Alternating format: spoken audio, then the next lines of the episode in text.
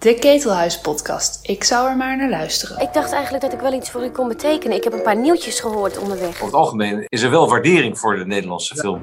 Dat was best moeilijk, in zo'n obscuur blaadje adverteerders vinden. Dat viel niet mee, eh, moet ik zeggen. Kijk, dat, dat besef wat daarna natuurlijk is gekomen... dat online iets totaal anders is dan papier...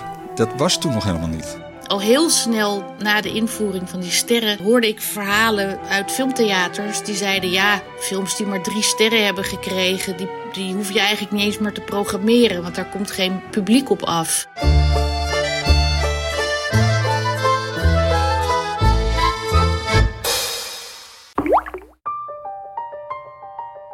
Welkom bij de 35e editie van de Ketelhuis Podcast. Scope, Screen, Filmfan. Filmbladen gaan in ons land doorgaans vroeg of laat ten onder. Op één uitzondering na: de Filmkrant. Die bestaat al zo'n 40 jaar en is nog steeds gratis verkrijgbaar in filmtheaters en arthouses. Michelle Kremers en Renske Dix spraken met Henk Rabbers, die samen met Jan Heijs aan de wieg stond van de Filmkrant en met alle nog in leven zijnde hoofdredacteuren Mark Duursma, Dana Linsen en Ronald Rovers.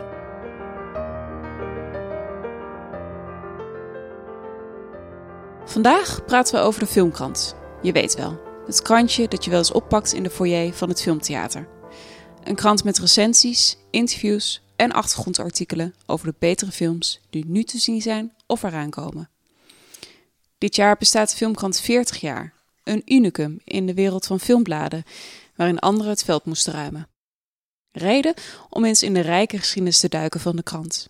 Hoe is ze ontstaan? Welke veranderingen en spanningen maakten ze mee? Wat is het belang van de krant en hoe wordt er naar de toekomst gekeken? We praten hierover met enkele hoofdrolspelers uit de geschiedenis van de filmkrant. Henk Rabbers, die vanaf 1983 met hoofdredacteur Jan Heijs aan het roer stond, Mark Duursma, die vanaf 1992 stokje overnam van Jan Heijs en tot 98 aanbleef. Dana Linsen, die maar liefst 21 jaar diende als hoofdredacteur. En Ronald Rovers, die in 2019 aantrad. In 1981 zag de filmkrant het licht. Het begon als een krantje dat werd uitgegeven door Huub Bals, die tien jaar eerder Film International had opgericht, nu bekend als International Film Festival Rotterdam. Hij trok Jan Heijs aan als hoofdredacteur en Henk Rabbers als vormgever. Na het vertrek van Bals in 83 stond Rabbers samen met Heijs aan het roer. We spraken Rabbers over zijn eerste ontmoeting met Heijs en de begindagen van de filmkrant. Kijk, we hebben elkaar eigenlijk ontmoet, niet verder vertellen, in de Communistische Partij van Nederland. Maar daar waren we allebei lid van afdeling uh, Indische Buurt. En uh, toen bleek al snel dat, we, dat chemie was. En Jan deed ook wel andere dingen schrijven. Dus ik heb toen Nissing was, nou ben ik gewoon met hem meegerold van. We zijn ook begonnen ooit met de Criterion filmkrant. Want Criterion is op een gegeven moment de Hubals uh, niet echt overgenomen, maar ja, ingepikt. Maar hij ging het programmeren en er studenten waren daar niet blij mee. Dus moesten wij daar een krantje voor maken, de Criterion Filmkrant. En dat hebben we dus, ja, dat is op een gegeven moment weer, zeg maar, toen Criterion weer op eigen benen stond, is dat gewoon weer uh, is dat de, de, filmkrant geworden. Wij hebben proberen om de, de moeilijkere film te slijten aan filmliefhebbers. En dat was op zich niet zo moeilijk aan de echte liefhebber, maar er waren ook mensen die een beetje in de periferie, die ook wel van film hielden. En, en om dat op een toegankelijke manier te schrijven en zo proberen mensen nou, bij de betere film, de beter tussen aanstekers, de betere film te krijgen. In dit credo kon ook Dana Linsen, hoofdredacteur van 1998 tot 2019, zich vinden. Dat je uh, diep over het kleine moet kunnen schrijven en licht over het grote. En dat vind ik een hele inspirerende gedachte. Dat je altijd kan schrijven op zo'n manier dat je uh, zowel lezers aanspreekt die er al veel van afweten, als lezers die je voor het eerst moet enthousiasmeren en nieuwsgierig maken. En uh, ja, omdat je zelf ook als filmliefhebber um, in de kans bent uh, gesteld om naar de wereld te kijken, is dat denk ik het belangrijkste wat je wil overdragen of delen met anderen. En op zo'n manier dat het niet uh, directief is en dat het niet om opinies en om meningvorming draait, maar dat het het beginpunt kan zijn van een dialoog. Volgens huidig hoofdredacteur Ronald Rovers is het daarnaast ook belangrijk om stukken te schrijven waarin film wordt gekoppeld aan cultuur. De ziel van de filmkrant is voor mij altijd geweest dat uh, je probeert die films met, de cultuur te, verbinden. Niet alle films lenen zich ervoor, maar wat, wat zegt een film over onze tijd? Uh, grotere dingen, bewegingen in de maatschappij. Dat, dat beschouw ik nog steeds als het hart van de filmkrant. Uh, los van dat we gewoon aan de releaselijst vastzitten. Maar dat is het idee, denk ik, achter heel veel stukken. Hoe kun je het verbinden met grotere maatschappelijke gebeurtenissen? Uh, dus een film gebruiken als een manier om de wereld te begrijpen. Voor mij mogen er ook nog veel meer filmbladen bestaan op de wereld. Er zijn er gewoon niet zo heel veel meer, zeker niet in print. Wel online. Uh, maar weet je, dat heeft dan weer met die ziel van het blad te maken. Ik vind het heel belangrijk om te proberen de wereld te begrijpen uh, via kunst en cultuur. Tenminste, dat is, dat, dat is een heel goed instrument daarvoor. Uh, dus ik, ja, ik, ik, ben heel blij om hier al mee te kunnen werken, zeg maar. Voor mij is dat een persoonlijke behoefte. Je deelt filmliefde en je hoopt mensen enthousiast te maken daarvoor. Kijk, ik ga bijvoorbeeld zelden op vakantie, omdat ik het hele jaar door films van over de hele wereld zie. Ik heb het gevoel dat ik een heleboel al zie. Voor mij hebben films ook die functie. Dus ik, er zijn een heleboel redenen om mensen iets, te willen voor, iets voor te willen schotelen, die films. Het, het zijn nou, soms cadeautjes gewoon. Voor het voortbestaan van de filmkrant waren er inkomsten nodig.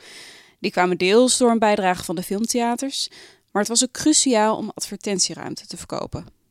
Maar zo gemakkelijk was het nog net niet. Henk Rabbers vertelt. We moesten van adverteerders hebben van bijdragen van de, van de filmtheaters.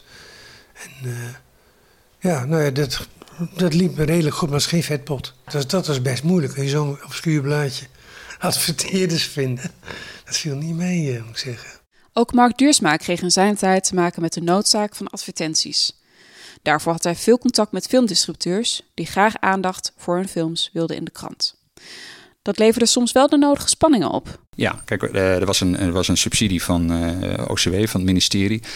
Uh, en de bijdrage van de filmtheaters. En dan de advertenties. Maar die advertenties waren een heel uh, wezenlijk onderdeel. Het, het was wel elke maand weer een een gevechtje om uh, het, het, het, vereiste aantal advertentiepagina's uh, binnen te slepen. En dat kwam toch primair van die distributeurs.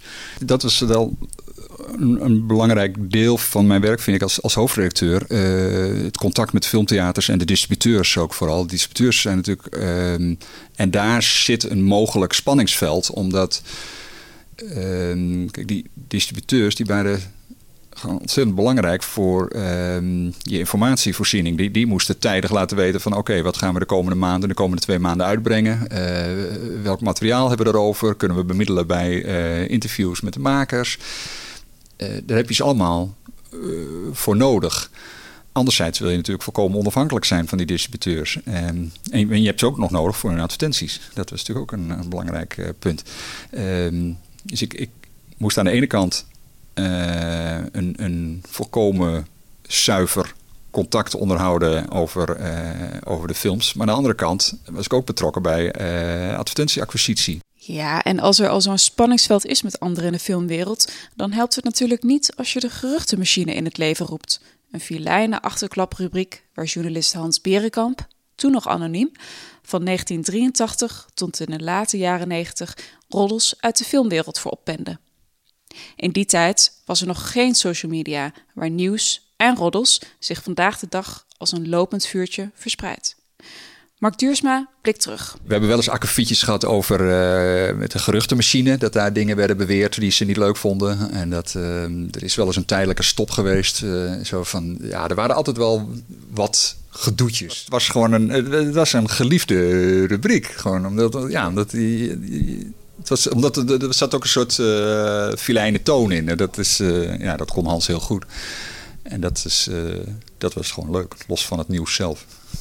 bij premières of zo, van, weet ik nog, van, het is toch een eenzaam beroep. Want, dan stonden een paar mensen te praten. En dan, ja, dus, dan kwam je bij zo'n première naar een groepje toe langs wandelen. En een geëikte grapje van, oh kijk uit, komt de geruchtenmachine aan. Bij het aantreden van Dana Linsen in 1998 bestond de geruchtenmachine nog. Maar daar kwam op een gegeven moment verandering in.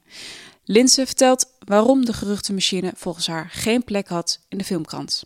de geruchtenmachine was wel een erfenis die ik meekreeg van de, van de bladformule. Maar die was toen onder Mark Duursma al langzamerhand uh, journalistieker geworden. Uh, in de begintijd werd hij, uh, werd hij of volgeschreven of voorzien van tips door Hans Berenkamp. Wat dan een soort best bewaarwaarde niet geheim was. Want iedereen wist dat op het moment dat ik aantrad, werd dat, door werd dat door anderen gevuld. En we zijn het op een gegeven moment ook nieuws gaan noemen.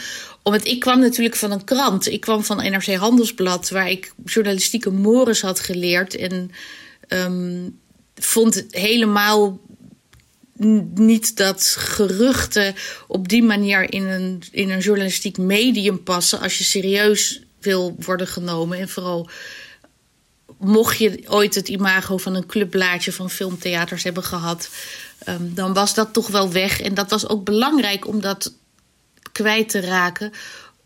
Simpelweg omdat je ook door adverteerders en fondsen en geldschieters serieus moest worden genomen. Als wij de, uh, het hoog in het vaandel droegen om onafhankelijk te zijn en dat mensen ons daardoor ook betrouwbaar vonden, dan kan je geen ongeverifieerde uh, uh, geruchten of verzinsels gaan opschrijven. Hoe leuk dat ook is, en dat heeft ongetwijfeld in een bepaalde periode van de filmgrond absoluut een functie gehad. De filmwereld was, zat ook nog anders in elkaar. Ik denk dat uh, filmjournalisten toen ook nog veel meer macht hadden en ook macht uitoefenden uh, via hun schrijven. Maar dat is denk ik voor mijn generatie was dat niet meer aan de orde. Dus dat, dat is allemaal steeds transparanter geworden. En dat vind ik ook goed en belangrijk. Net zoals de geruchtenmachine waren er ook andere dingen die kwamen en weer gingen. In de jaren 90 stonden dus Mark Duursma en later Dana Linsen aan het roer. Een tijd met veel veranderingen, ook voor de filmkrant. Dat begon allereerst met een restyling van de krant. En voor die restyling werd de filmkrant vormgegeven door zogenaamd scheurwerk. Henk Rabbers vertelt hierover. Ja, dit was toch uh, ja, scheurwerk, zeg maar. Met letterlijk en figuurlijk. Dat vond, vond ik toen leuk. Dus er werd heel veel, gescheurd. En, uh, maar het was allemaal met de hand, hè. Het was allemaal heel anders. Je moest stroken. Je kreeg stroken tekst van de zetterij, van de perscombinatie toen nog. En dat moest je dan gewoon plakken op, op kartonnen vellen. Met een stramien heette dat. En zo begon, het, ja, zo begon het. En dan krijg je toch een ander soort vorm dan als je het met de computer houdt. Het is, het is gewoon veel meer werk. Even, ik was, vond het best wel leuk, ja. Gewoon echt met je hand. Gewoon een tekentafel, een lichtbak en zo. En, uh, en ook met, ja, met de dia's die je dan moest bekijken welke dia's we gaan gebruiken. En dat moest dan weer door een lithograaf worden omgezet in een negatief. En dat moest je dan weer inplakken. Ja, dat was, ja, dat, waren wel, dat was wel leuk. In 1992 onderging de filmkrant dus die restyling. Mark Duursma was toen net hoofdredacteur. Vrij snel nadat ik begon, of eigenlijk meteen, een paar, twee maanden later zo, hebben we een, een belangrijke vernieuwing doorgevoerd. Toen, is die, zijn die beeldkoffers gekomen. Dat was, uh, daarvoor was het echt nog, uh, zag het er echt krantachtig uit, zoals het begon. En vanaf september 92 uh, werd het wat visueler en met één grote foto op de koffer. En ik vind bijvoorbeeld ook het, aanstellen van André Bakker als vaste portretfotograaf past daar ook bij. Zo van dat, je, ja, dat je realiseert van ja, we gaan dit niet meer doen met foto's die we toevallig krijgen aangeleverd van distributeurs. We gaan veel meer zelf de regie daarin nemen en ja, mooie, mooie beelden verzorgen. En ik, ik, denk dat het heel belangrijk is dat je, ja, juist bij een blad over film of een visueel medium, moet je natuurlijk, uh, ja, het moet er goed uitzien. Dat is, uh, dat is ontzettend belangrijk. En, dat, uh, ja, en dan ook maar accepteren dat je dan wat minder letters kwijt kan. De filmkrant krijgt dus een nieuw jasje. En daar denkt Henk Rabbers het zijne van. Ik vind het een beetje saai. Het is gelikt. Weet je, ik hou niet zo van gelikt. Moet, ik vind, hou wel van strak. Hè? Strakke vind ik wel mooi. Maar ik hou niet zo van. Het is een beetje, ja een beetje meisjesblad. Een andere grote verandering in de jaren 90 was de digitalisering van de filmkrant. Als een van de eerste waagden ze de stap naar online. Volgens Mark Duursma had die overstap wel iets beter gekund. Ja, nou, dat is. Uh, ja, we, waren, we, we, we, liepen voorop daarmee. Dat we waren pioniers. Maar als je terugkijkt op zo'n ongelooflijk onhandige manier. Omdat eh, die beginperiode dan. Eh, kijk, dat, dat besef wat daarna natuurlijk is gekomen. dat eh, online iets totaal anders is dan papier. Dat was toen nog helemaal niet in die beginfase. Toen was het meer gewoon van. Nou, we, we maken een, eh, een krantje en een tijdschrift. En dat bied je ook eh, digitaal aan. Maar bijna één op één. Dus helemaal niet als dat het een aparte communicatievorm is. Dus dat was in het begin buitengewoon onhandig en knullig. En eh, ja, alleen dat er een, een goede zoekfunctie in zat. En dat heeft zich pas gaandeweg eh, verder ontwikkeld. Dus ja, de enige verdienste is dat we wel in een relatief vroeg stadium door hadden van dit wordt wat. Hè, Midden jaren negentig. En, ehm, en dat, ja, veel bladen zijn pas later eh, digitaal gegaan. Ook Dana Linsen blikt terug op de digitalisering van de filmkrant. Toen ik aantrad eind jaren 90 waren er eigenlijk een paar grote veranderingen uh, in het journalistieke landschap. En een daarvan was de digitalisering. De filmkrant was al een voorloper op het gebied van een uh, webplatform. Ik denk ook een van de eerste media in Nederland die daartoe was overgegaan. Maar je zag dat er in uh, rap tempo steeds meer media websites kregen. En um, ook over een online aanwezigheid moesten gaan nadenken. Dus dat bracht vragen met zich mee waar we ons toe zijn gaan verhouden. En um, die vragen die zijn denk ik tot op de dag van vandaag nog urgent. Want je ziet dat online steeds meer meningen worden gerecycled. En dat er uh, eigenlijk veel minder uh, ruimte is voor onafhankelijke stemmen. Dus dat is een van de dingen die ik heel erg belangrijk heb gevonden. Maar er speelde nog veel meer in de jaren negentig. Dana Linsen vertelt. En na de jaren negentig was ook het moment waarop iedereen bang was voor een um, millennium bug. En dat had ook wel een invloed, denk ik, zowel op de filmproductie als op ons denken op dat moment over de rol van film en bewegende media. Dus daar zijn we een serie artikelen over gestart. Het was de tijd dat Fight Club en The Matrix uh, uitkwamen. Uh, er kwam eindelijk weer eens een nieuwe uh, editie van de, de eeuwigdurende Star Wars franchise. Dus daar zijn we ook meer aandacht aan gaan besteden. En van daaruit is eigenlijk een balans ontstaan tussen de traditie van de filmkrant voortzetten, die heel sterk geworteld is in de filmtheaterbeweging. natuurlijk een erfenis met het Filmfestival Rotterdam, met het Filmarchief, met het Filmmuseum. Heel erg een blad wat ook schreef over films waar op andere plekken niet over werd geschreven. Auteursfilms, artfilms. Maar tegelijkertijd was eind jaren negentig ook een hele goede tijd voor film. Dus kranten en andere media besteden daar ook aandacht aan. Waardoor wij op een andere manier ook weer naar commerciële films of naar mainstream films gaan, zijn gaan kijken. En zijn gaan denken: hoe kun je daar nu ook op een intelligente manier over schrijven.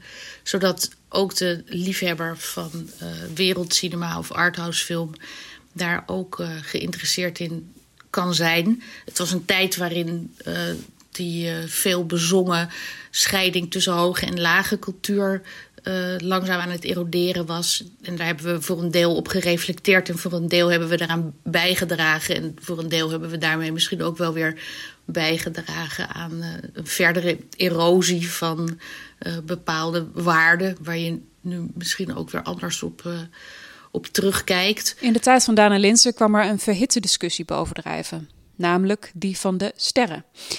In 2011 gaat de filmkrant in navolging van de meeste dagbladen hun filmrecensies voorzien van sterren. In 2018 worden ze weer afgeschaft.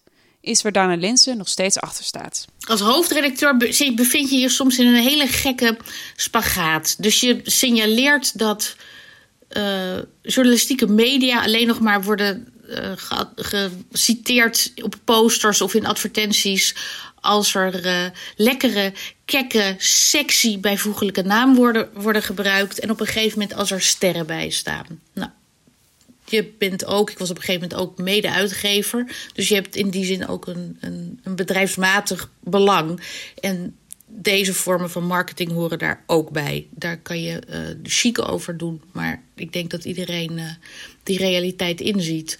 Dus sterren gaan gebruiken was zowel een, een, zakelijke beslissing als ook een manier om te experimenteren. Wat doet dat met het schrijven? Gaan we daardoor beter argumenteren? Uh, of kunnen we daardoor vrijer zijn in het schrijven? Al heel snel na de invoering van die sterren uh, hoorde ik verhalen uit filmtheaters die zeiden: ja, films die maar drie sterren hebben gekregen, die, die hoef je eigenlijk niet eens meer te programmeren, want daar komt geen publiek op af. En dat is eigenlijk, dat, dat stuit me tegen de borst en dat, dat, dat ja, vertegenwoordigt alles waar ik niet voor sta. Want wat mij betreft kan zelfs een film die uh, aan wat voor kwaliteitseisen en wat dat ook zijn niet beantwoord, toch de moeite waard zijn om te bezoeken. Zeker als er al filters overheen zijn gegaan van festivalselecties en, en distributeurs die dat de moeite waard vinden om aan te kopen, die ook hun publiek op een bepaalde manier kennen. En vervolgens mag je er toch van uitgaan dat filmtheaterprogrammeurs ook hun uh, publiek uh, niet alleen maar hapklare broeken willen voorschotelen. Dus dat zij ook iets speciaals willen met en voor hun publiek. Dus die sterren die werkten eigenlijk contraproductief. Maar tegelijkertijd was er ook een andere journalistieke beweging gaande... die meer in de dagbladen zich afspeelde dan in de filmkrant. Namelijk dat stukken steeds korter werden... waardoor er steeds weer minder ruimte was voor argumentatie waardoor je denkt van ja, waar, waarom bedrijven wij eigenlijk filmjournalistiek? Waarom uh, vinden we die onafhankelijkheid zo belangrijk als je op een gegeven moment alleen nog maar consumentenvoorlichting aan het geven bent?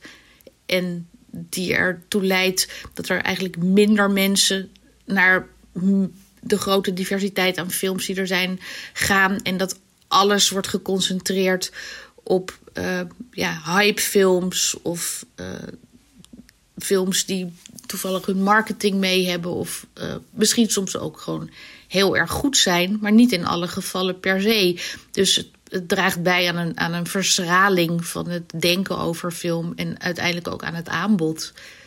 Dus dat was de reden om het uh, voor mijn gevoel uh, drie weken later weer af te schaffen. Maar daar heeft nog een tijdje tussen gezeten. Ook Mark Duursma voegt zich bij Linses mening over de sterren. Hier bij de boekenbijlage is het ook een. Uh, dit is, bij veel kranten is het een discussie van. ja, je doet natuurlijk helemaal, totaal geen recht aan een recensie. Een recensent doet zijn best om een mooi genuanceerd oordeel op te schrijven.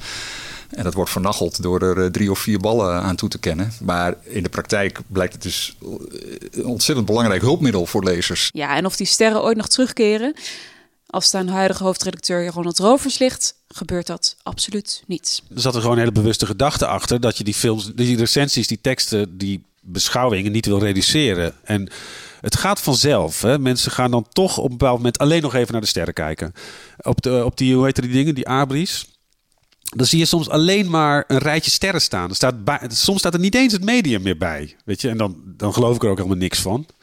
Um, maar die gedachte erachter, achter het afschaffen, die, die is niet veranderd uh, toen ik hoofdredacteur werd. Nee, want we hebben toen, het was, het was nog onderdaan dat, dat we ervoor kozen. We hebben gewoon met de redactie overlegd. En, en, en, en, en, iedereen was ervoor om het af te schaffen. Um, die gedachte was er al veel langer zelfs. Of de ergernis over die sterren. Het, het is ook. Sowieso doe je dat als schrijver wel, dat je films met elkaar vergelijkt. Maar bij die sterren, dat suggereert nog veel meer dat er een soort structuur zit in die beschouwing of zo. Die film heeft er vier en die drie, dus die is minder. Nou, dat is, ligt echt ingewikkelder. En dat weet iedereen denk ik ook wel. Um, niet om het kleinerend te doen bedoel ik, maar um, kijk, soms weet je gewoon dat een film, bijvoorbeeld een Nederlands film met hele beperkte productiemiddelen is gemaakt. En die kun je dan vier sterren geven. Uh, en dat is onvergelijkbaar met een vier sterren film soms uit een ander land. Maar dan is het toch, dan voel je bijvoorbeeld enthousiasme in de film. Er zit gewoon wel een, een hart in. Nou, de reden om vier sterren te geven. Maar ze zijn eigenlijk gewoon niet te vergelijken. Je kunt ook soms gewoon een interessant stuk schrijven over een slechte film. Want dan ligt het meer aan het thema. En um, inderdaad, als mensen dan die twee sterren zien, dan denken ze, oh, dat is niks. Maar nee, ja, je kunt toch mensen verleiden om, met een tekst althans, uh, om te gaan kijken. En misschien nieuwe gedachten te krijgen over iets. Toch vindt Dana Linsen het niet zo interessant om die sterrendiscussie weer op te halen. We zouden het volgens haar moeten hebben over de stand van zaken binnen de filmkritiek. Ik zou niet graag herinnerd worden als degene die de sterren heeft ingevoerd en weer afgeschaft. Want ik vind het niet zo'n relevante discussie. Veel belangrijker vind ik eigenlijk het nadenken over filmjournalistiek, uh, waarvoor in de filmkrant ook altijd een plek was. De grote hoeveelheid vrouwelijke auteurs die een plek heeft kunnen vinden in de filmkrant en waarvan een aantal ook nog steeds toonaangevend zijn voor de filmjournalistiek in Nederland.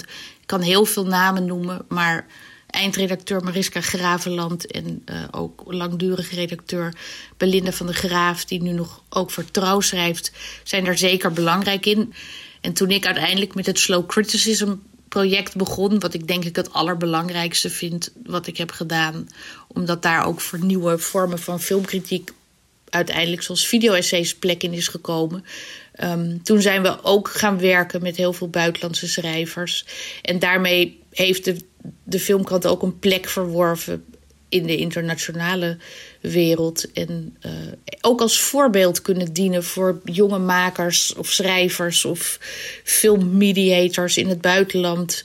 Die uh, op een niet-hierarchische, uh, toegankelijke, laagdrempelige manier um, met verschillende journalistieke of filmkritische media hun publiek zijn gaan zoeken.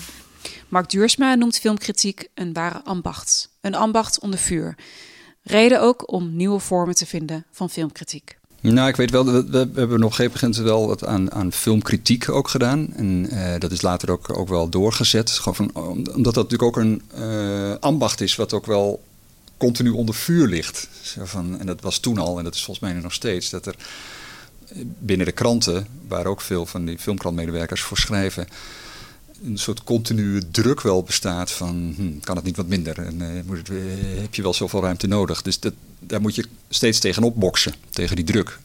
Ik vind het ook knap hoe ze in die, in die coronaperiode, toen er niks uitkwam, gewoon elke keer weer opnieuw een soort thema hebben bedacht van, om, uh, om aandacht te besteden. Juist in die coronaperiode, dat zijn we een voordeel kunnen noemen van, van die pauze in de distributie ja, was in ieder geval in NRC en ik denk ook elders wel gewoon veel ruimte om uh, ja, gewoon meer, veel meer thematische uh, stukken over film te brengen. Ja, we hadden een bijlage over lust, en, uh, maar ook over ja, de mislukte films en die dan ten onrechte vergeten films. En, zo. Dus, en dat zijn gewoon creatieve manieren om op een andere manier naar film te kijken. Er is natuurlijk veel meer dan alleen maar die recensies. Met recensies alleen redden we het niet. Dat is, dat is niet dat is niet genoeg om filmjournalistiek levend te houden. Dat is, um, um, want dat vind ik ook wel het jammer van, ja, met de opkomst van, van uh, sociale media en van, van uh, internet. Dat je dat ambacht is wel een beetje afgekalfd, denk ik. Uh, iedereen heeft een mening. Maar het probleem is dat veel mensen denken dat hun mening ook interessant is. En dat is, uh, dat is natuurlijk lang niet altijd het geval. Uh, ja, het is, een goede recensie moet wel aan een aantal voorwaarden voldoen. Moet echt goed onderbouwd zijn. En, en mensen moeten wel wat van film weten. En moeten een film kunnen plaatsen in het oeuvre van zo'n maker. En, en ik vind dat je toch wel heel veel gewoon makkelijke uit de, uit de losse pols meningjes ziet. En dat, ja, dat kan ook heel makkelijk natuurlijk online. Bij filmkritiek komt er ook enige ongemak kijken. Na zes jaar stopt Mark Duursma in 1998, daarom ook met het hoofdredacteurschap en zijn werk als recensent. Ik heb het zes jaar gedaan, maar op een gegeven moment eh, wilde ik het niet meer. En een van de redenen was dat um, recenseren is toch ook een heel raar vak. Dat je, het, het, je moet er ook wel een zekere arrogantie voor hebben. Dat je denkt dat jouw mening zo relevant is dat die door een groot publiek gelezen uh, dient te worden. Of interessant genoeg daarvoor is. Maar ik kreeg ook moeite met het contrast tussen de, de inzet van makers enerzijds en het gemak waarmee wij als recensenten die inzet teniet konden doen. En dan heb je het dus niet over de, de, de, de commerciële Amerikaanse uh, films, maar juist ook met het bespreken van Nederlandse films. Ja, dat, daar zijn toch met welke intentie zo'n film ook gemaakt is. Het is, het, het is altijd wel, er zijn een hoop mensen heel intensief bij betrokken geweest. Uh, vaak langere tijd. Al sowieso de periode om de financiering rond te krijgen. En dan nog de hele Um, en dan komen wij en wij zien dat op een achternamiddag op het August Allebijplein. En uh, we denken, en, uh, en in twee uur schrijf je een stukje. En daar kreeg ik steeds meer moeite mee. Dat, je, dat, dat, dat staat niet in verhouding. Ook, ik leerde ook op een gegeven moment, ja, er was zo'n golfje van Nederlandse uh, makers toen. en dat waren allemaal leeftijdsgenoten van mij. Ian Kerkhoff, Robert-Jan Westdijk, Edith Stal. En Ehm, en dat je denkt van, wow, ja, zij maken iets, ze creëren iets met de beste bedoelingen. Het kan mislukt zijn, maar de bedoelingen waren goed. Ja, wie ben ik dan om, eh, om te zeggen van, eh, nou, ik vond, het, eh, ik vond dat niet goed en ik vond dat niet goed. En eh, dit is, ja, het, heeft iets heel naars eigenlijk. Dus ik, ik kreeg daar steeds meer moeite mee. En dan een blik op de toekomst. Na 40 jaar, waar wil de filmkrant naartoe? Ronald Rovers vertelt over zijn plannen om de krant te voorzien van diverse perspectieven en achtergronden op film. We willen heel graag mensen met allerlei achtergronden hier voor ons hebben schrijven. En die zijn behoorlijk moeilijk te bereiken. Ehm, ik zit soms zelfs te denken om, de, om naar journalistiekopleidingen te gaan. Ehm, maar er is nog niet een cultuur bij iedereen, denk ik. Film, over film schrijven is gewoon nog niet een heel wijdverspreid, eh wijdverspreide behoefte. Weet ik niet. Ehm, we merken in ieder geval dat we, heel, dat we steeds dezelfde mensen hier krijgen. We kunnen ook niet echt buiten ons eigen perspectief kijken natuurlijk. Daar, daar wil ik wel graag verandering in brengen. Maar dan, ja, dat is lastig. En dan ben je dus afhankelijk van anderen. En wie, wie ziet de filmkrant en zo. Dat is gewoon een, een, een personeelsaspect. Maar dat zou ik wel graag willen veranderen. Ook graag met een jonger iemand. Want eh, je merkt toch ook al... Heb je twintig jaar lang film gezien... dat je aan je eigen perspectief vastzit. En Weet je, soms is zelfs een film uit Duitsland, als je er heel goed naar gaat kijken, is al net een andere, vanuit een andere cultuur gemaakt. En dan denk je, dat is een buurland, weet je wel. Net een ander gevoel. En dat wil je, die dingen wil je toch duiden. Dat heeft gewoon met het hart van het blad te maken. Goed kunnen kijken.